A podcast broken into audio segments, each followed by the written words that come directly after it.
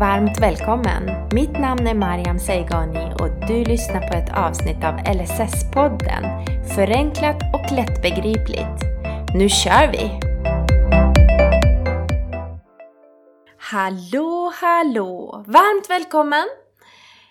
Detta avsnitt pratar jag om vilka insatser man har rätt till om man tillhör en av de tre personkretsarna jag nämnde i förra avsnittet. Förra avsnittet pratade jag alltså om tre personkretsar, vilka kriterier som, som bör uppfyllas för att tillhöra lagen och få, få bedömas om man har rätt till insats eller icke. Och i dagens avsnitt så tänker jag prata, prata om just de insatserna som, som kan ansökas om och beprövas. Och, eh, och det är tio olika insatser man pratar om och, och kan ansöka sig till. Och jag tänkte berätta lite kort om varje insats och vad de innebär. Jag tycker vi kör igång direkt. Nummer ett. Man har rätt till att få rådgivning och annat personligt stöd. Och här är det personer som jobbar för landstinget som ger expertstöd utifrån sin egen kompetens. Till exempel så kan det vara så att man kan få prata med en kurator eller psykolog eller få hjälp med att få en, en samordnad kontakt med olika myndigheter man behöver få hjälp ifrån. Det är ju så att kommer jag eh, i kontakt med myndigheter så är det ju oftast flera myndigheter som behöver samverka för att jag ska få den hjälpen jag är i behov av. Och här kan man få hjälp av en samordnad kontakt då, så att man kan få hjälp av flera instanser samtidigt. Och trots att jag pratar om LSS nu och vilka insatser man kan få när man berörs just av den lagen så är det ju så att det är sällan just den här insatsen ges utifrån LSS i och med att det är personer som har en legitimation bakom som är till och hjälper till. Eh, och som jag nämnde i avsnitt 1 tror jag, så är det ju personer som, i, som jobbar under HSL-lagen, hälso och sjukvårdslagen, som, som är här och, och hjälper till. Och för att nämna några kategorier så kan det vara arbetsterapeuter, det kan vara fysioterapeuter, logopeder, psykologer, kuratorer och så vidare. Och då kommer dessa experter inom sitt eget område in och ger tips och råd och stöd utifrån sina egna kompetenser. Och då kallas det oftast för habiliteringsinsatser och det är till för att underlätta för personer med funktionsnedsättning och samt även deras familjer att leva med funktionshinder. Så det är ett samlat hjälp kring personer och personens omgivning. Eh, jag nämnde ju habiliteringsinsatser och i och med att jag har en, en bakgrund som arbetsterapeut och tycker att det är väldigt viktigt att förstå just det uttrycket och vad det innebär så att man inte har för, för höga förhoppningar eller för, för lite förhoppningar när man, när man ansöker sig och kommer in så vill jag bara berätta lite grann skillnaden mellan habilitering och rehabilitering. Och rehabilitering, precis som det låter re, åter, vinna och bibehålla bästa möjliga funktionsförmågan och samt att skapa goda möjligheter för ett självständigt och aktivt liv. Det är hur man formulerar rehabilitering. Habilitering, det är att utveckla och bibehålla bästa möjliga funktionsförmågan samt att skapa goda möjligheter för ett självständigt och aktivt liv. Så den ena är att återvinna funktionsförmågan och den andra att bibehålla funktionsförmågan.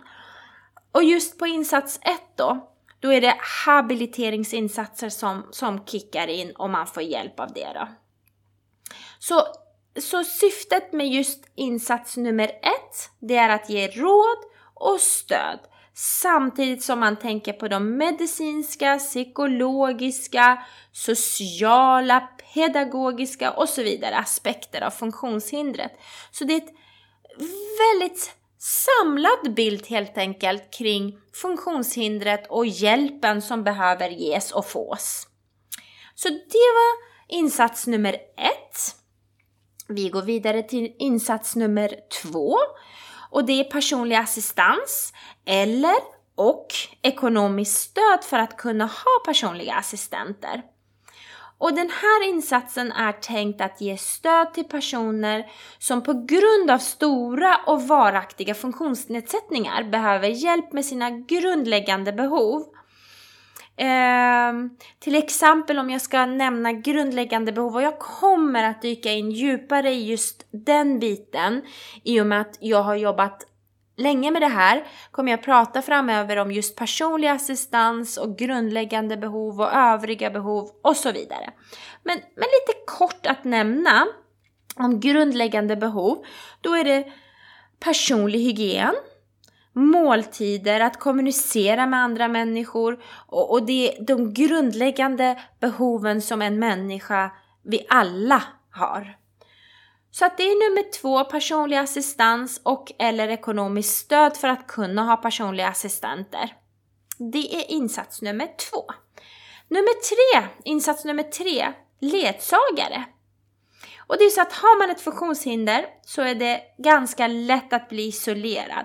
Har jag ett funktionshinder så och inte kan ta mig lätt ut till, till hissen, till gatan, till aktiviteten så isoleras jag enkelt. Och det kan vara både på grund av fysiska funktionsnedsättningar eller psykiska funktionsnedsättningar att ta kontakt med andra och ta sig ur hemmet eller hitta på roliga och meningsfulla aktiviteter att, att det, isoleringen uppstår. Och då kommer den här fina insatsen in, ledsagarservice, och den syftar ju till att bryta den här isoleringen.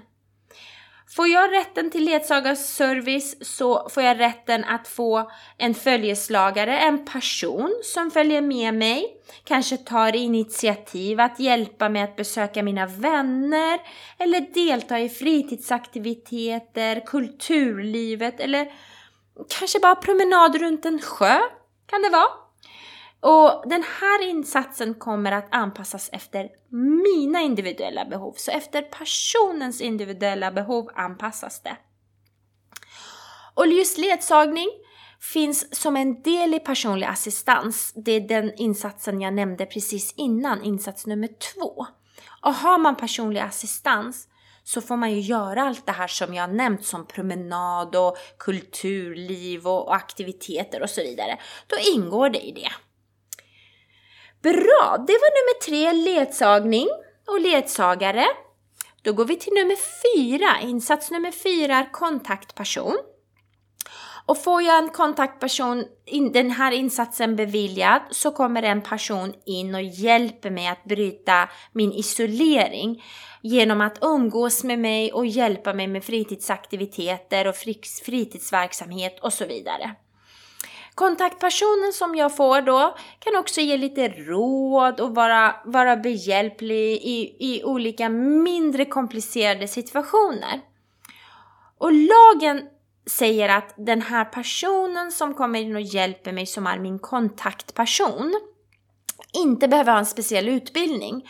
Och jag håller med lagen, utan istället så, så krävs det stor engagemang och intresse för människor, för andra människor, som gör en kontaktperson till en intressant kandidat för den rollen.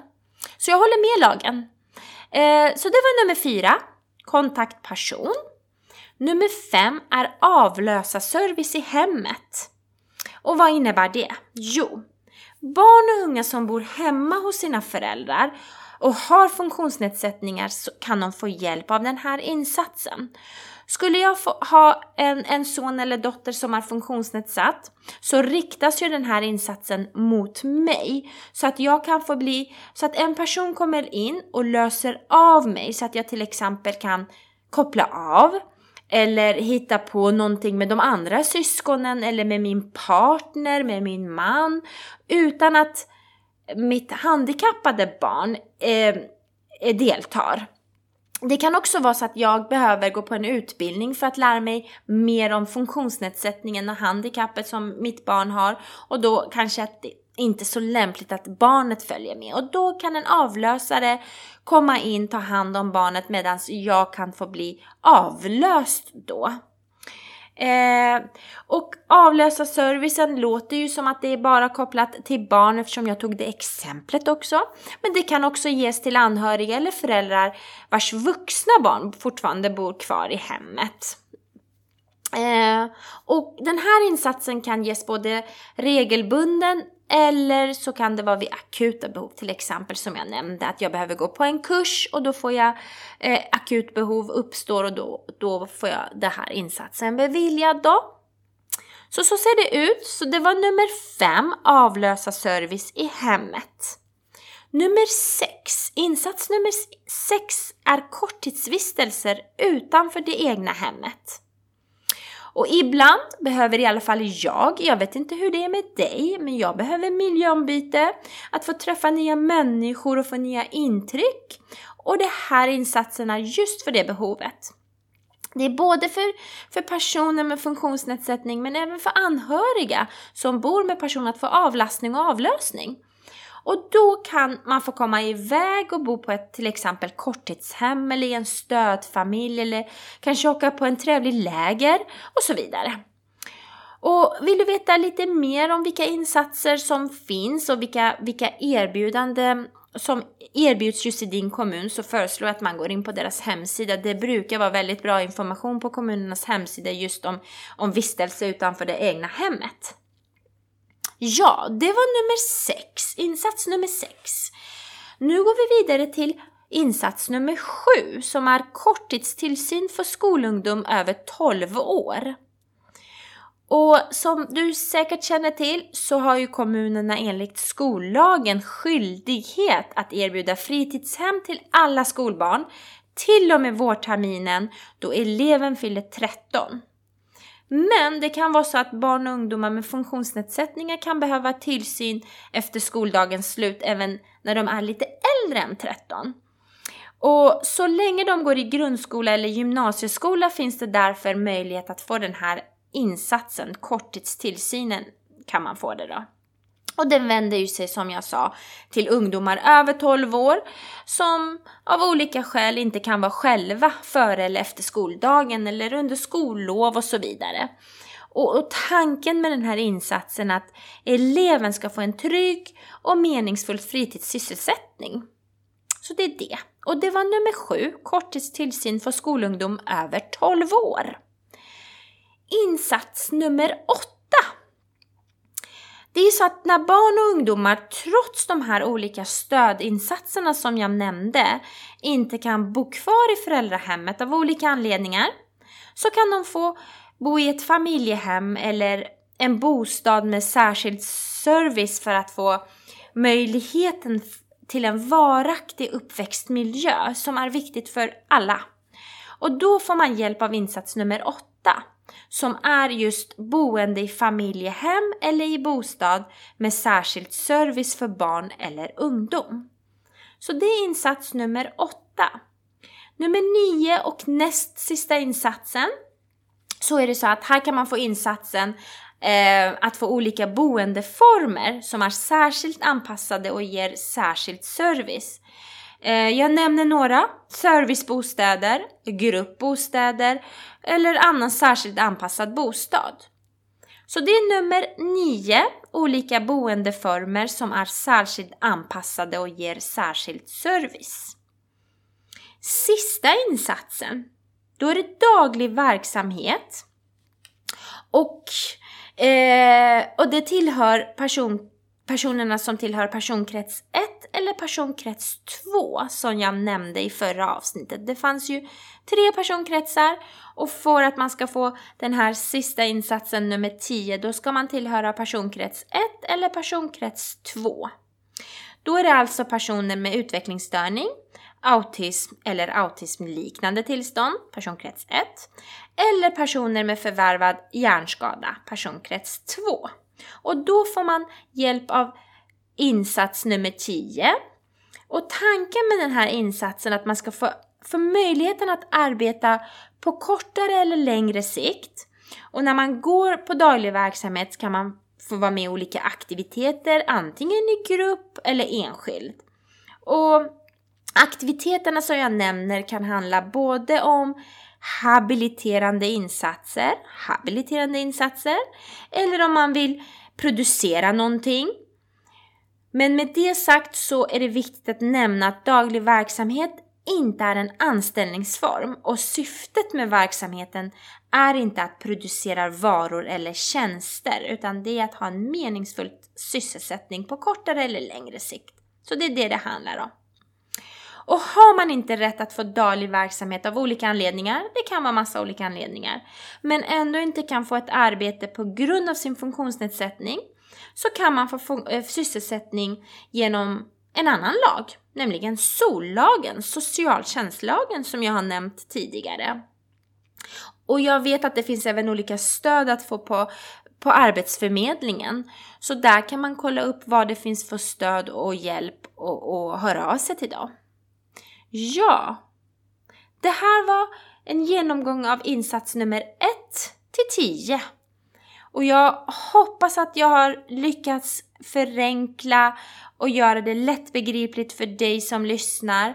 Och jag hoppas att vi hörs genom dessa avsnitt igen. Ta hand om dig